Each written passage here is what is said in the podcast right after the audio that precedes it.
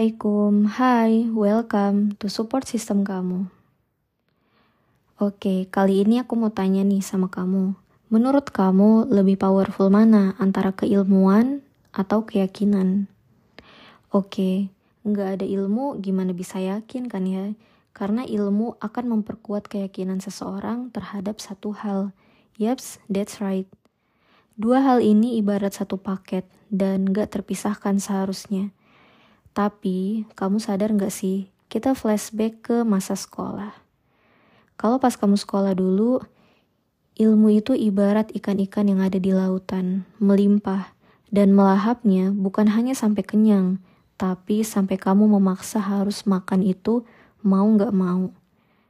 Padahal saat itu bahkan kamu gak punya kesempatan untuk paham semua ilmunya secara utuh. Belum sempat kamu yakini kebenarannya. Satu tambah satu sama dengan dua, make sense enough. Mau ujian, udah ada kisi-kisi soal. Ya udah, akhirnya pelajarin itu aja.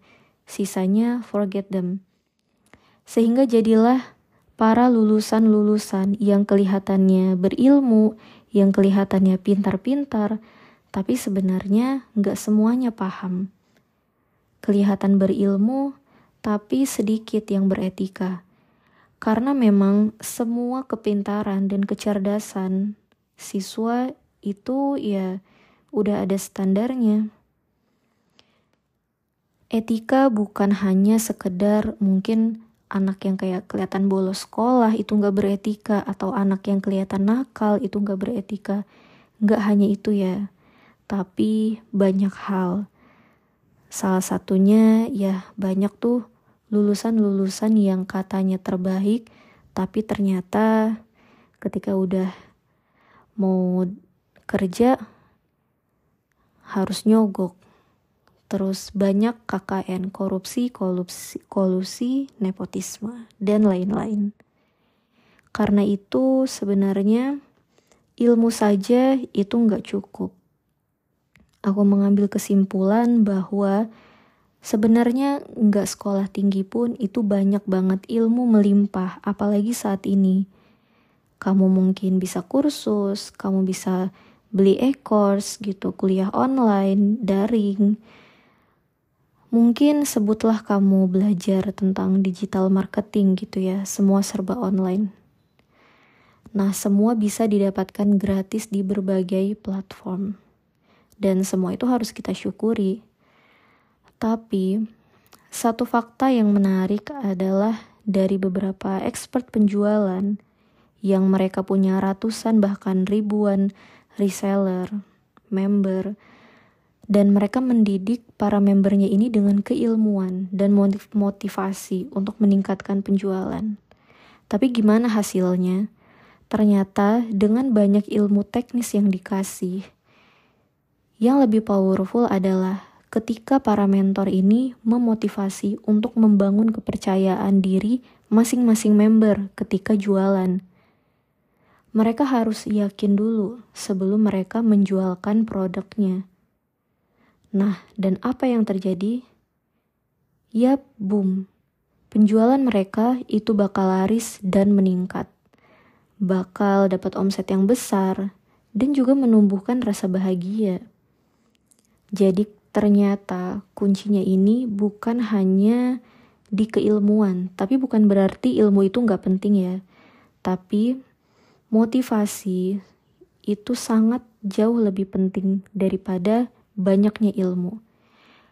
Kamu mungkin cukup tahu sedikit ilmu, tapi ketika kamu meyakininya, kemudian menjalankannya dengan penuh kebahagiaan dan penuh motivasi dan juga kesadaran bahwa kamu pasti bisa Nah, dengan semua itu, insya Allah kamu bakal lebih optimal untuk mengembangkan skill kamu, untuk meningkatkan penjualan produk, atau mungkin jasa yang kamu tawarkan. Walaupun sebenarnya kamu gak bakal tiba-tiba bisa atau expert, tapi minimal kamu memiliki keberanian dulu untuk mencoba. Dan expert itu tuh bakal berjalan seiring waktunya. keyakinan itu powerful karena otak kita otomatis bakal memilih perasaan yang dominan antara ketakutan atau keyakinan atau pasrah, percaya diri, putus asa. Nah, mana yang paling kamu rasakan? Meskipun kamu gak mau merasakan hal-hal yang negatif dalam diri kamu, tapi itu bakal menjadi kenyataan dalam hidup. If you say, ah aku nggak bisa, aku nggak bakat, biasa-biasa aja, yaps, that's you are.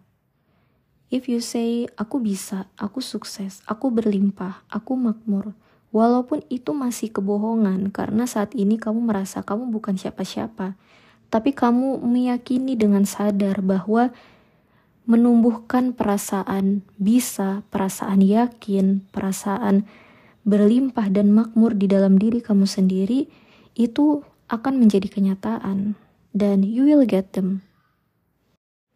Karena otak bawah sadar kita itu tidak menerima kata-kata negatif seperti tidak. Kalau kamu bilang dirimu tidak bodoh, tidak jelek, tidak miskin, dan lain-lain, maka yang diserap oleh otak itu adalah kata bodohnya, jeleknya, miskinnya, hanya kata-kata dengan rumus positif kata-kata tidak adalah negatif. Karena itu, ganti kata-katamu dengan cara berafirmasi. Misalnya dengan saya cerdas, saya menarik, saya kaya, berlimpah, seperti kata-kata yang tadi. Maka yakinlah, kamu bakal menjadi seperti apa yang kamu katakan. Hati-hati dengan kata-kata Ketika kamu mengatakan hal yang jelek kepada diri kamu, kepada sekeliling kamu, benda-benda, orang-orang di sekitar kamu, bahkan mungkin orang yang kamu benci, orang yang menyakiti kamu, maka hati-hati kalau kata-kata itu bakal balik ke diri kamu. Oleh karena itu, ciptakan fakta yang positif tentang kamu, realita yang kamu idamkan, realita yang kamu inginkan, yang paling indah, yang paling bahagia maka itu bakal mengubah keseluruhan hidup kamu. Minimal mood kamu sepanjang hari. You don't trust me? Just try it.